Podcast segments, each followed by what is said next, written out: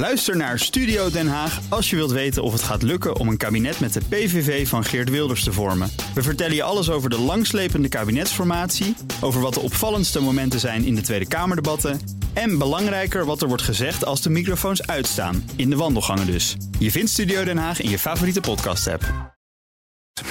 Het nieuwe academische jaar start maandag officieel. Al hebben veel studenten de afgelopen week al even in de banken gezeten.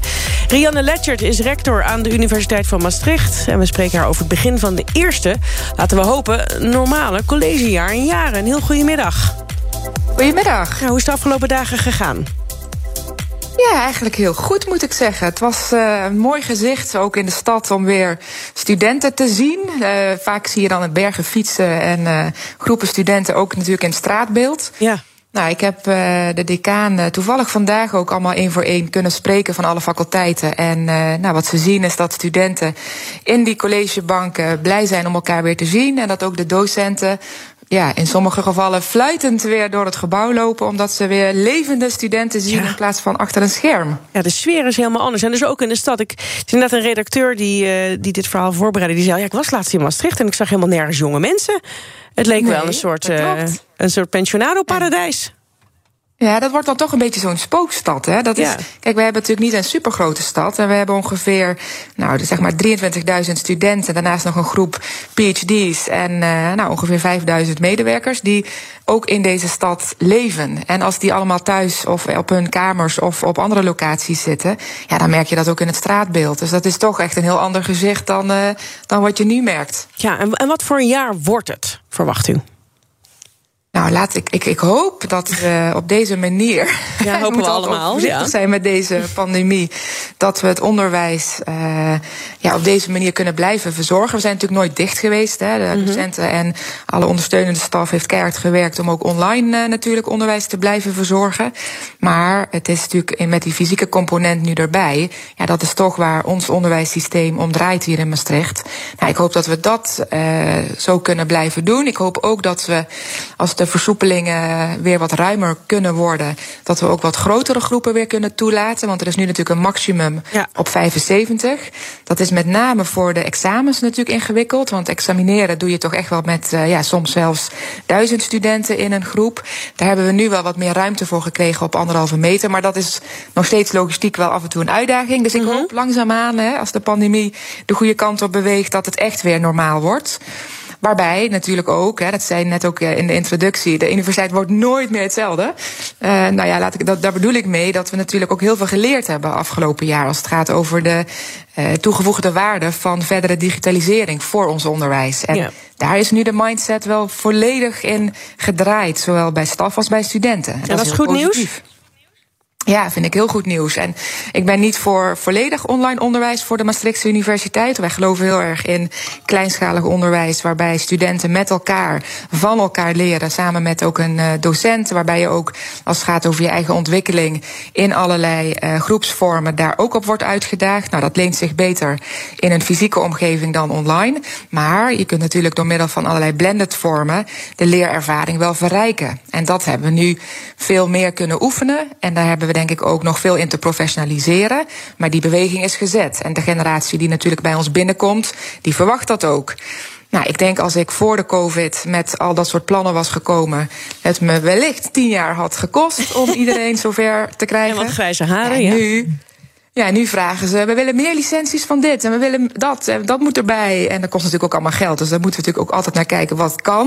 Maar die vragen had ik anders nooit zo snel gekregen. Nee, dus dat is Dus het- dat is hartstikke positief. Dat is het goede nieuws. Is, is er toch ook wel schade geleden? Heeft het onderwijs geleden? Is er tijd verspild? Kortom, hoe hangt de vlag erbij in Maastricht? Nou, qua studieresultaten zien we dat niet terug in onze uh, statistieken. En dat heeft natuurlijk ook voor een deel te maken met het feit dat studenten veel minder tijd hadden voor andere activiteiten. Denk aan baantjes, denk een tijd ook aan sporten of aan uitgaan. Waardoor ze zich heel erg op hun studie hebben gestort. Maar daar zit wel een keerzijde aan.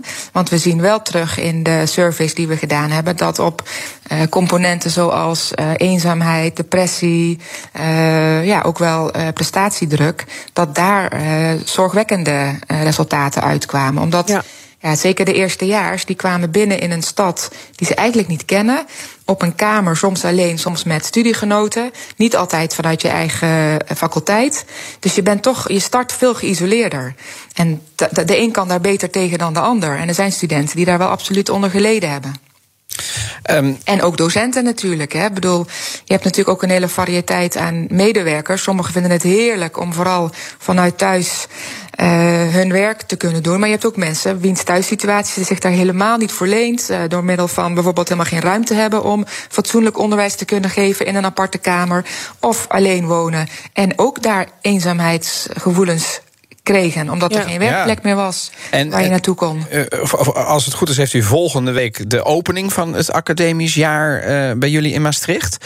Um, ja. hoe bereidt u zich daarop voor? Want ik kan me voorstellen, met indachtig wat u zojuist uh, zei. Hè, je hebt natuurlijk de studenten die een heel raar en soms donker jaar achter de rug hebben. Collega's, medewerkers, universitair docenten en hoogleraren. Um, wat wordt, laten we zeggen, de toon van de opening van dit nieuwe academische jaar in Maastricht?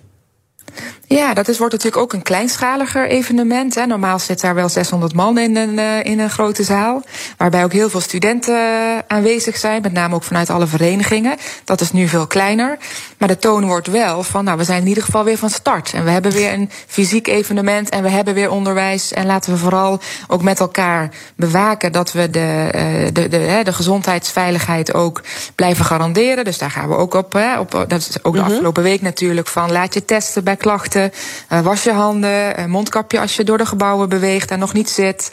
Want uiteindelijk willen we de, de ruimte die we als sector hebben gekregen vanuit de overheid, willen we natuurlijk ook ja, zorgvuldig mee omgaan. Dus we gaan niet een soort jubelende stemming maandag van oh, wij zijn weer volledig uh, alsof er niks aan de hand is. Mm -hmm. Dat is het ook niet. Maar we zijn natuurlijk ook, we gaan ook wel vieren dat we weer een, een opening op locatie kunnen hebben met elkaar. Ja, ja. Maar dat is voor een deel ook gelivestreamd nog. Daar moet ik ook eerlijk in zijn. Over dat bieden van die, die veilige omgeving voor studenten en medewerkers. Heeft u discussie gehad, of in hoeverre is er discussie geweest um, over ja, de, de grenzen die u daaraan wil geven? Want ik kan me een opiniestuk herinneren in de Volkskrant van een aantal dagen geleden.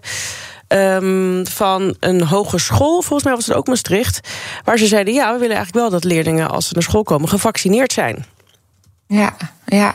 Nou ja, we hebben natuurlijk die discussie ook afgelopen periode wel gehad, ook met onze medezeggenschap. Mm -hmm. Wij kunnen niet als instelling zelf zeggen, we gaan een vaccinatieplicht opleggen. Daarvoor zijn we natuurlijk ook onderdeel van de publieke sector. Waarbij dat nou niet aan ons, hè, dat mandaat hebben wij niet zelf. Wat wij wel kunnen doen, is studenten zoveel mogelijk, en medewerkers trouwens ook, hè, zoveel mogelijk informeren ja. over de mogelijkheden tot vaccinatie. We hebben op ja. een gegeven moment ook gezegd, voor in onze internationale studenten zijn we met de GGD in overleg gegaan om te zorgen dat zij bij binnenkomst in Maastricht zich meteen kunnen laten vaccineren zonder dat ze hun burgerservice nummer mm -hmm. al hebben. Dat duurt natuurlijk altijd weer even wat langer bij zo'n gemeente. Nou, dan ga je natuurlijk misschien kostbare tijd verspillen. Nou, de GGD is heel coöperatief en heeft daar ook voor gezorgd. Dus we kunnen, dat kunnen we faciliteren zonder dat we het kunnen opleggen. Ja, en maar vindt u überhaupt dus wenselijk van verleiden. dat, dat, dat um, ja, scholen zouden sluiten in feite voor ongevaccineerde studenten? Ja, zou ik niet als uh, eerste maatregel uh, opleggen. Nee, dat zou ik. Uh, dat, dat is ook een discussie die ik ook wel terugleest in, in de kranten, die we breder in de samenleving moeten gaan voeren. Ik zou dat voor de, een sector zoals onderwijs, waar toch het recht op onderwijs een groot goed is, zou ik dat op dit moment een te vergaande maatregel vinden. We willen natuurlijk wel die vaccinatiegraad omhoog. Hè. Die is mm -hmm. natuurlijk nu nog met 1,8 miljoen. ja, daar is natuurlijk nog wel een, een issue. Maar dat kan ook door wellicht eerst met andere maatregelen te komen die niet in de publieke ja. Sector ge, gevonden hoeven te ja. worden. Als eerste keuze, zeg ja. ik daar meteen wel bij. Ja, tot slot even heel wat anders. Maak eventjes een scherpe bocht een hele andere kant op. um, u zei um, aan het begin van uw ambtsperiode als, uh, als rector... ik wil het percentage vrouwelijke hoogleraren aan de universiteit graag zien stijgen tot 30 procent. De doel was 2020. Nou, dat is corona geweest, dus dat jaar slaan we even over. We zijn nu in 2021. Nou, is nog, nog, nog steeds benoemd hoor. Is, is dat ja, toch wel? Is, is het doel gehaald? Ja, ja. Ja, nou als, je, nou, als ik heel eerlijk ben, als ik nou, um, als je per faculteit gaat kijken, nog niet overal, als je universiteit gaat kijken, dan wel. En wij waren ook een van de snelst stijgende universiteiten de afgelopen twee jaar. Dus daar ben ik heel blij mee.